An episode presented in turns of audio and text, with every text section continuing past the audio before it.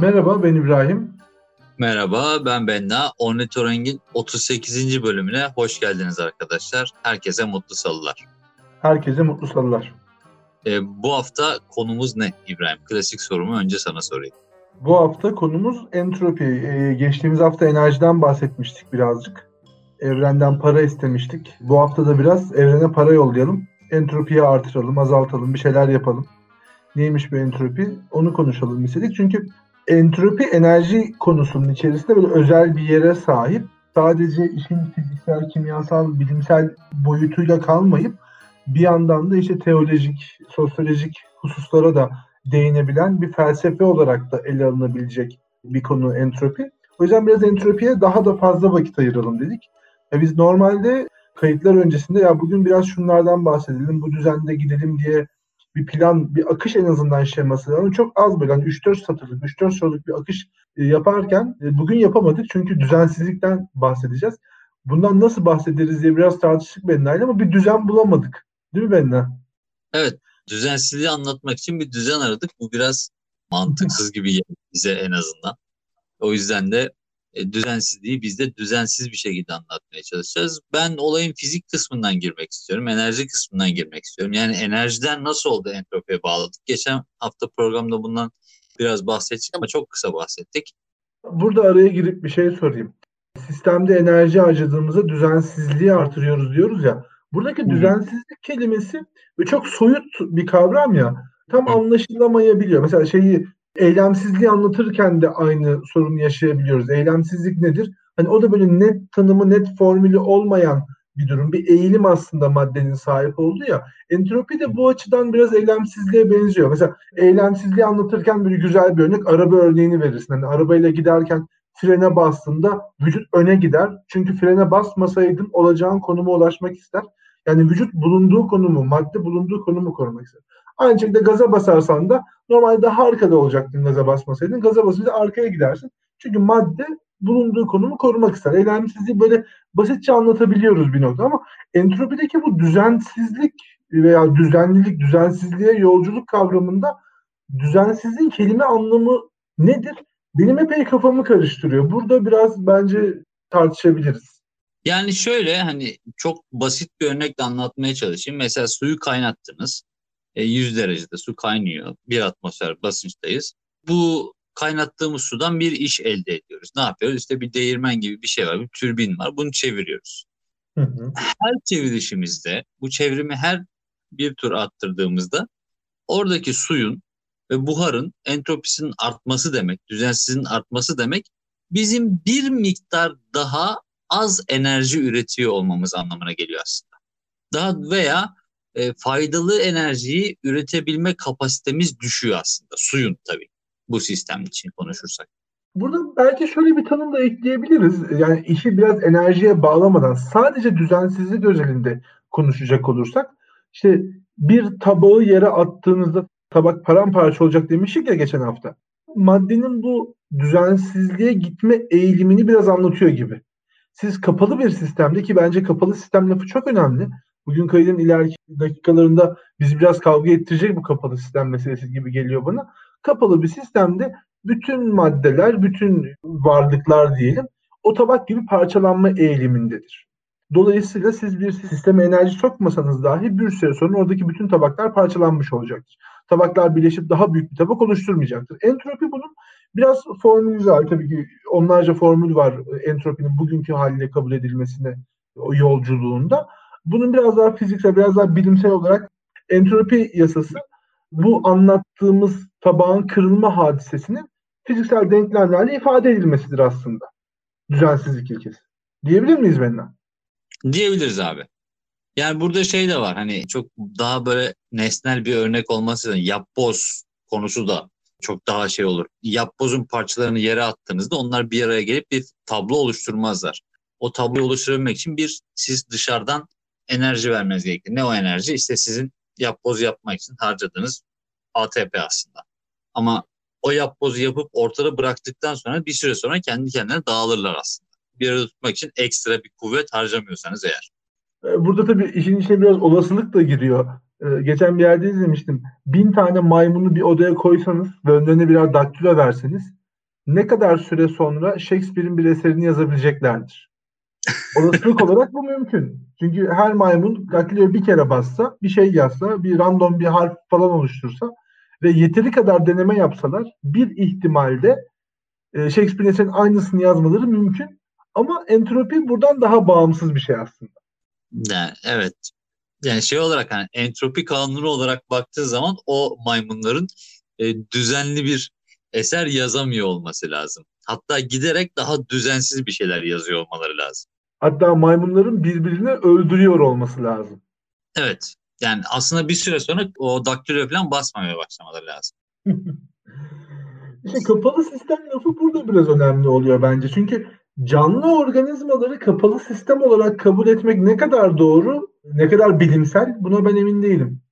Şimdi canlı organizmaya geçtiğimize göre hani insan da canlı bir organizma yavaş yavaş oraya doğru da gidebiliriz aslında.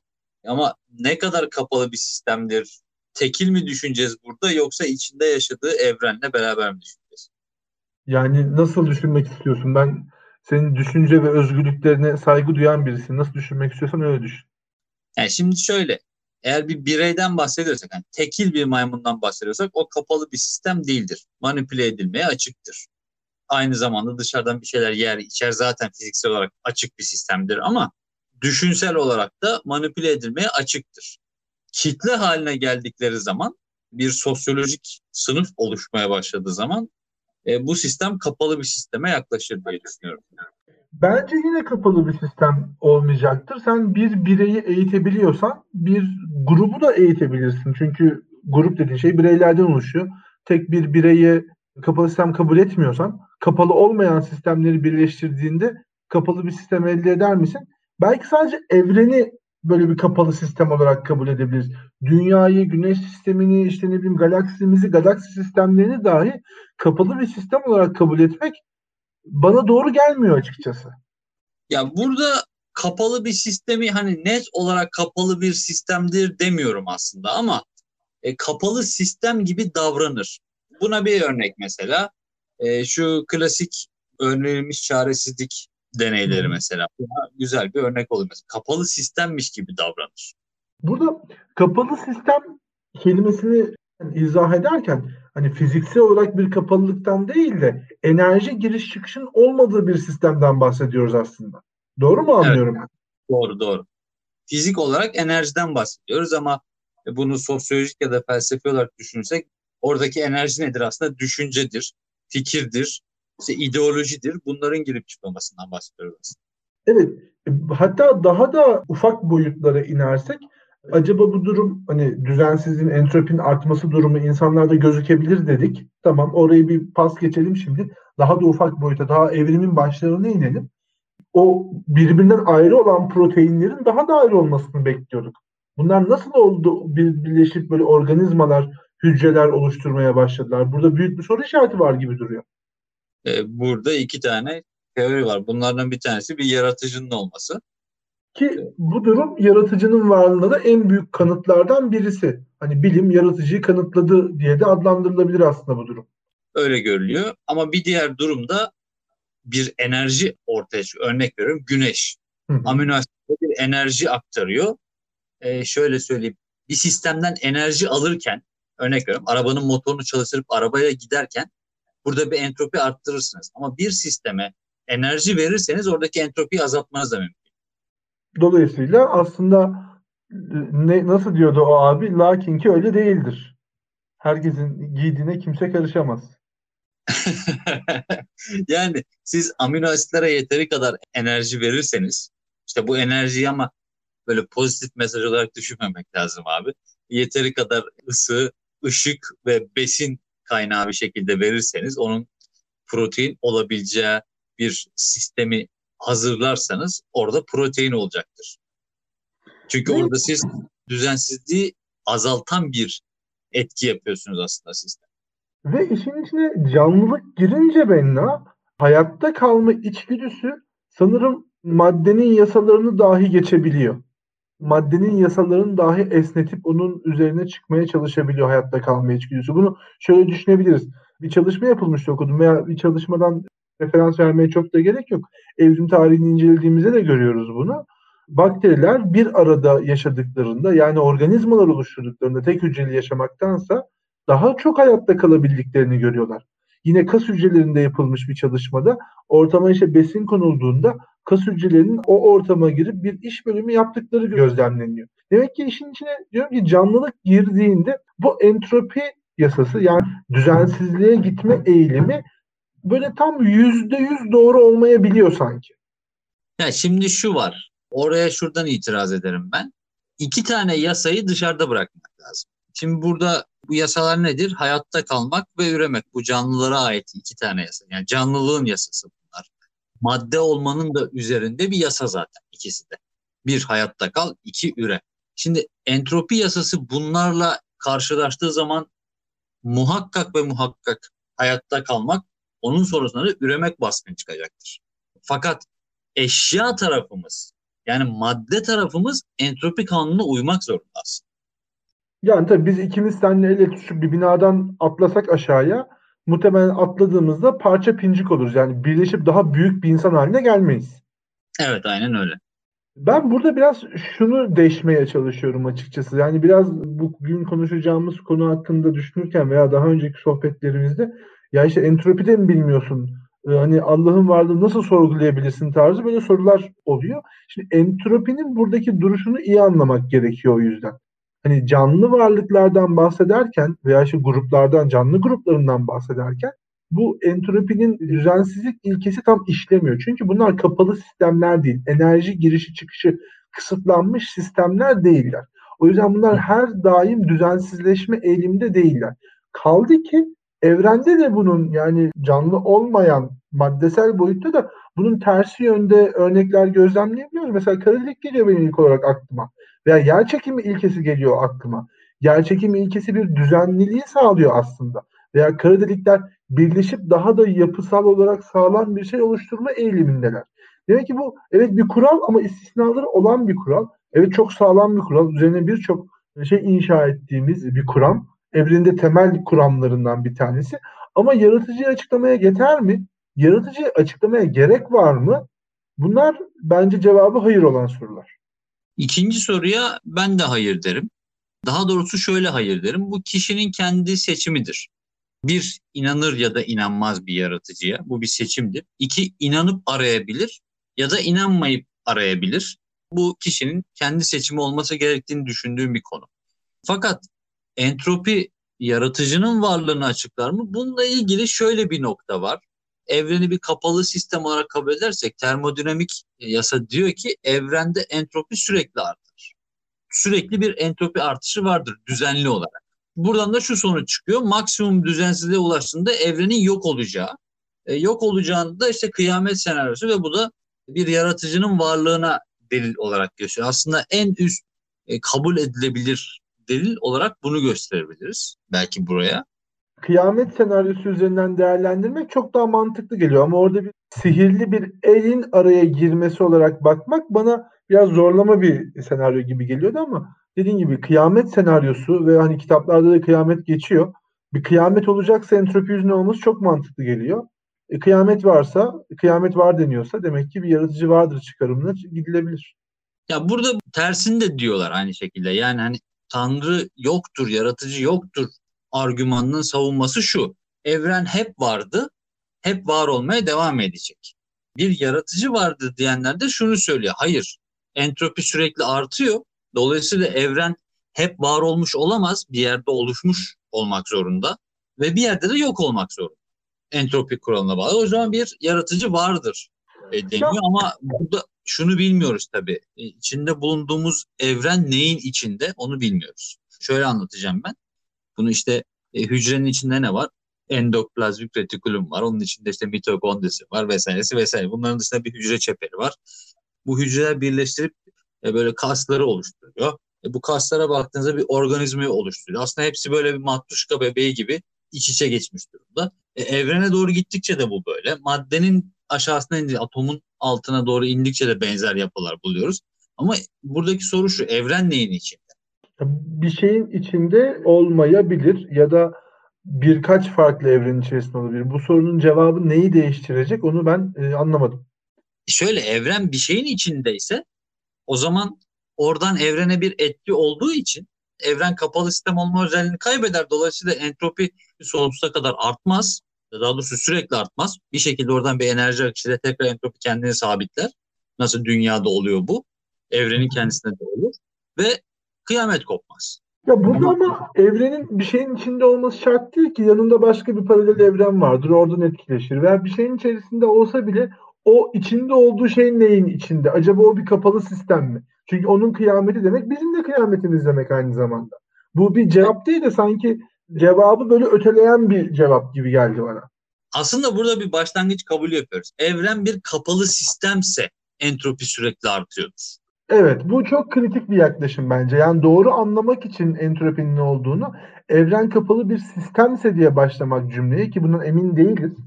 Entropi sürekli artıyordu diyebiliriz. Biz laboratuvar ortamında manipüle ederek kapalı sistemler yaratabiliyoruz pekala. İçeriye enerji giriş çıkışı olmayan. Orada gözlemlediğimiz kadarıyla entropi sürekli artıyor evet. Ama evren kapalı sistem mi? Bu sanırım hepimizi aşan bir soru. Ornitorenk'te buna bir cevap verirsek herhalde böyle bir bildiğin Nobel alırız yani. Yani cevap veririz canım. Cevap veririz de insanların ciddi alacağı bir cevap ver, vermek asıl mesele yani. Yoksa e, ona verilen cevaplar var bir sürü yani. 200-300 farklı cevap biliyorum ben evrenin başlangıç noktasına verilen. Abi ben sadece şunu biliyorum hani evren milletin kendi kendini yönetebilmesi. Tabii eski milli futbolcu. Alexander Evren. Lise geyiğimizi de yapıp. Şimdi entropi bu aslında bilimsel daha doğrusu fiziksel tarafı böyleydi. Biraz da bunun tabii felsefesi var. So, felsefeye bir ucundan değindik aslında. Ama bir de sosyolojisi var, psikolojisi var gibi bu alanlarla ilgili de konuşalım istiyorum. İnsan davranışlarını incelerken topluluk olarak entropiyi nerelerde görüyorsun? Görüyor musun veya bunun bir etkisi var mıdır? Yani ben canlı varlıkların birbirinden ayrı yaşamaya eğilimli olduklarını düşünmüyorum açıkçası. Yani tabii ki istisnalar vardı. Mesela kutup ayıları birlikte yaşamıyor. Bazı kediler işte kaplan gibi ne bileyim ama jaguar falan gibi kediler bir arada yaşamayı tercih etmiyorlar.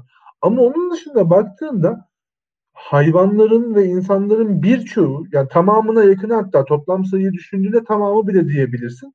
Bir arada yaşamaktan faydalanıyorlar. Ha bu bir arada yaşamak 10 kişi mi? Neden 100 kişi olmuyorlar? Neden 1000 kişi olmuyorlar? Bunu acaba entropi artışı olarak mı değerlendiriyorsun sen? Burada iki tane bakış açısı var benim sahip olduğum. Bunlardan bir tanesi e, canlılar deyince bir insan ve diğerleri. Çünkü niye diğerleri diyorum? İnsan doğadaki o hani besin zinciri ya da besin piramidi dediğimiz şeyin en tepesinde ya. Hı hı. Dolayısıyla aslında dünya üzerindeki etkiye en az maruz kalan.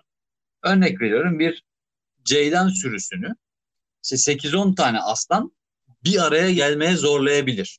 Veya işte bir zebra sürüsü yırtıcıya karşı toplu durarak savunma yapıyor. Bir aslında savunma geliştiriyor. O yüzden bir arada duruyor. Belli mecburiyetler onları bir arada.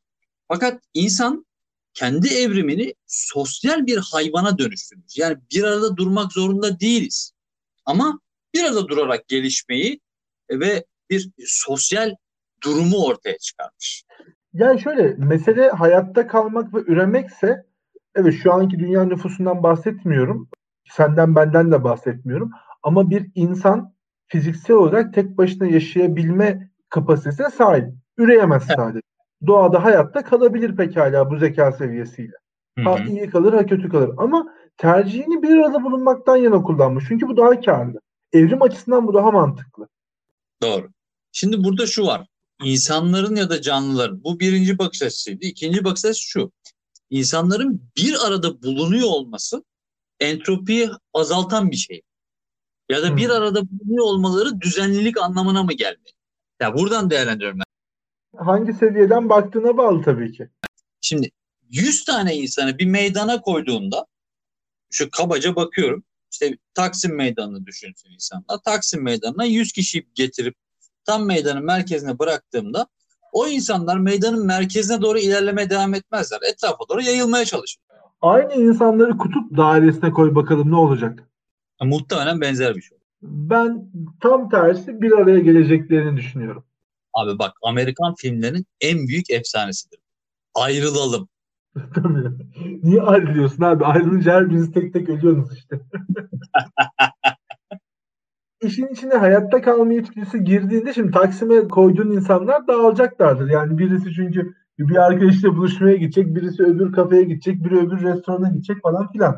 Ama Çok, işin içine hayatta kalma içgüdüsü girdiğinde ve karşıdan bir aslan sürüsü yaklaşıyorsa sana doğru hani bir, bir arada hareket etme eğiliminde olursun. Çünkü biliyorsun ki bir arada olsan daha fazla hayatta kalabilme şansın var. Şimdi şöyle Taksim'deki deney ortamını şöyle yapalım. Etrafı çitlerle çevrilmiş olsun. Tamam mı? O deney ortamından dışarı çıkmak yok. Tamam. İnsanlar çite doğru giderler. Merkeze doğru gelmezler. Ayrılırlar birbirlerinden. E, ama şimdi kutup örneğine geldiği zaman şimdi kutupta hayatta kalma içgüdüsü söz konusu. Şimdi en başta da söyledim. Hayatta kalmakla ilgili kanunları onlar büyüktür entropi kanunu. Aslında bu da çok garip değil mi? Yani gözlemliyoruz böyle olduğunu. Hakikaten hayatta kalmanın bunlardan daha büyük olduğunu gözlemliyoruz ama sen insan veya canlı olmadan önce bir maddesin aslında. Entropinin daha üstün gelmesi gerekmiyor mu mantıksal açıdan? Sıralama açısından yani yerarşik olarak. Değil. Çünkü Nasıl? canlı büyük maddedir. Hayır, madde büyük canlıdır. Canlı dediğin şey maddenin bir alt kümesidir. Her canlı bir maddedir ama her madde bir canlı değildir. Demek ki canlılar alt küme. Canlılar alt küme dedim. Doğru. Canlıların sahip olduğu bir özelliğin o üst kümenin sahip olduğu bir özellikten daha pasif olmasını beklersin. Ama görüyoruz ki daha aktif, daha baskın. Ya burada şeyle belki kıyaslayabiliriz bunu. Nasıl eylemsizlik e, maddenin bulunduğu konumu korumaya çalışıyorsa, hı hı. E, ondan sonra nasıl atalet yasası varsa, hayatta kalmak da bunlara benzerdir bence. İtiraz etmek değil de durumun ilginçliğini göstermek aslında.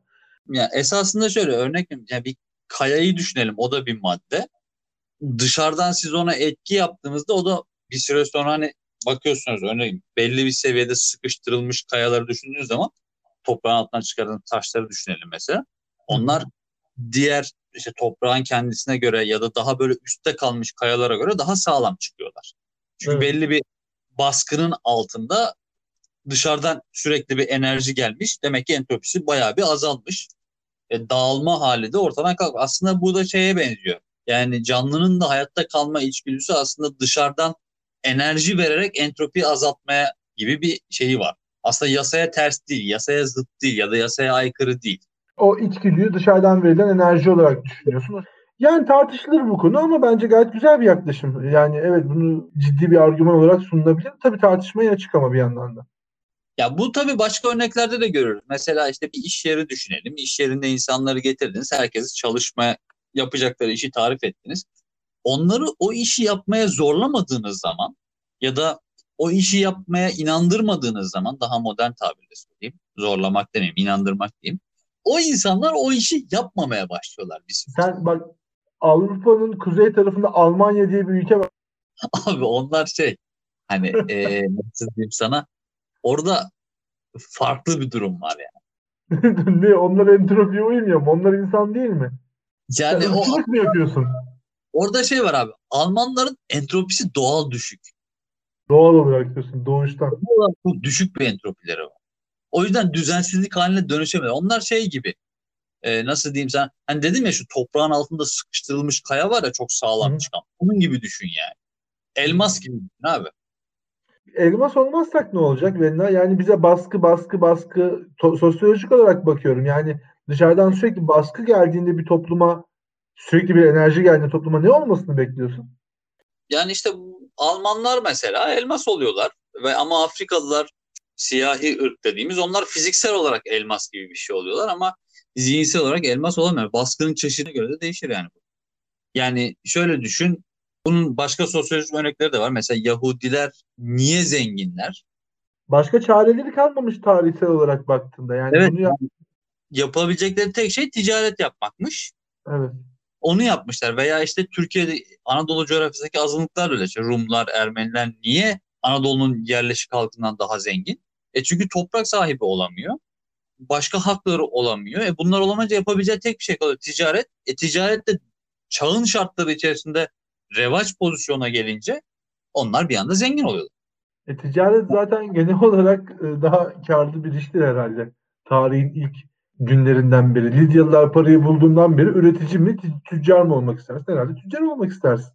Yani, Çünkü üretici olduğun zaman tek bir toprak parçasına bağlısın ama tüccar olduğun zaman bütün topraklar senin. Olabilir. Bir şey demiyorum.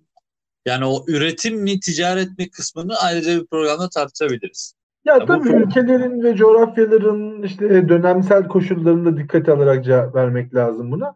Ama neyse evet bunu daha sonra tartışalım. Zaten süreyle biraz aşıyoruz. Ufaktan kapatalım istersen. E, şimdi burada entropi ile ilgili hani sosyolojik hadisesinde konuştuk. Aslında konuşmaya çalıştık. İnsan ya da canlılar madde oldukları için bazı şeyleri yapıyoruz zaten. Hani bunu sadece entropi özeline indirgemek belki ne kadar mantıklı bilmiyorum ama işte eylemsizlik kanununa uymak zorundayız. Yer çekimi kanununa uymak zorundayız. Hani canlı olduğumuz için, insan olduğumuz için uçamıyoruz maalesef. Yer çekimi kanunlarına tabiiz. Atalet kanunlarına tabiiz. Evrim yasalarına tabiiz benzer şekilde. E, fakat bu entropi yasası dediğimiz zaman bunun bir ekstra bir özelliği var. Hocam bir şey sorabilir miyim? Peki anayasaya dahil miyiz? Hangi anayasaya abi? İşte oğlum Türkiye'de yaşıyoruz. TC anayasasına. Yani şey yapamadım şimdi hangi açıdan yaklaşacağımı bilemedim. Şimdi ben burada şey olarak bakayım hani. Ben biraz sulandırmaya çalışıyorum da mevzuyu. Gündem esprisi yapmaya ben, çalışıyorum beceremedim. Özal'dan bir buraya şey yapayım cevap vereyim. Ya anayasayı bir kere delmekten bir şey olmaz. Yani oradan yaklaşayım ben konuya biraz. Yani e, evet benim de şu anayasa konusunda şu içki yasağı vardı aklımda. Yani ben alkol alan bir adam değilim.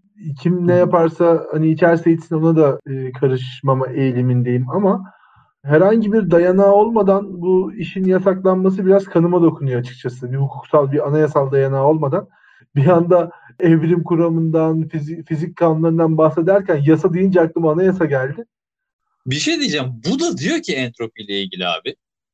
Bileşik olan her şey eninde sonunda çözülüp dağılır diyor bu da. Bununla ilgili ne diyorsun? Yani bu da kara delikleri bilmiyordur büyük ihtimalle ya. Hani işin ama tabii ki maddesel boyutuna değil de e, insan psikolojisi boyutuna veya sosyolojik boyuta bakacak olursak evet bu da haklı. Yani e, hiçbir ülke, hiçbir topluluk sonsuza kadar var olmamış. En uzunu Roma İmparatorluğu. Çok küçük, çok kısa bir süre yani insanlık tarihini bile göz önüne aldığında. Yazı tarihi göz önüne aldığı çok uzun bir süre ama Roma bile kısa bir süre. O yüzden evet bir araya gelen insanlar sosyolojik olarak dağılmaya eğimlidir. Dağılır mutlaka dağılır diyebiliriz. Bu şu ana kadarki tarih bilgimizden bunun kesin bilgi olduğunu söyleyebiliyoruz. Bu da aslında entropi yasasını insan üzerine direkt olarak etki ettiğini gösteriyor. Evet hani bu da entropi olduğunu bilmiyordur büyük ihtimalle ama insanın ne kadar lanet bir canlı olduğunu seneler öncesinden görmüş. Ben entropiyi son olarak şeyle bağdaştırıyorum. Hani hepimiz doğup büyüyüp ölmek zorundayız ya şu anda. Bildiğimiz fizik kanunlara göre. Evet. Neden ölüyoruz? Entropimiz arttığı için mi? Yoksa ölmek zorunda olduğumuz için mi? Oğlum Rabbim ömrünü yazmış işte. Alınacak nefesin belli. Bitince ölüyorsun. Ama neden? Öyle yazmış. Tabii yazmış olması başka bir şey. Bunun nedenini sormak başka bir şey. Oğlum onu bize değil ona soracaksın. Ama ben kendi kendime soruyorum ve dinleyicilere de soruyorum. Dinle, Arkadaşlar. Dinleyicileri bunu alet etme. Arkadaşlar lütfen Allah'la kul arasına girmeyin. Bırakın kendisi konuşsun. Ee, o zaman hepinize mutlu salılar diliyorum arkadaşlar. Herkese mutlu salılar arkadaşlar.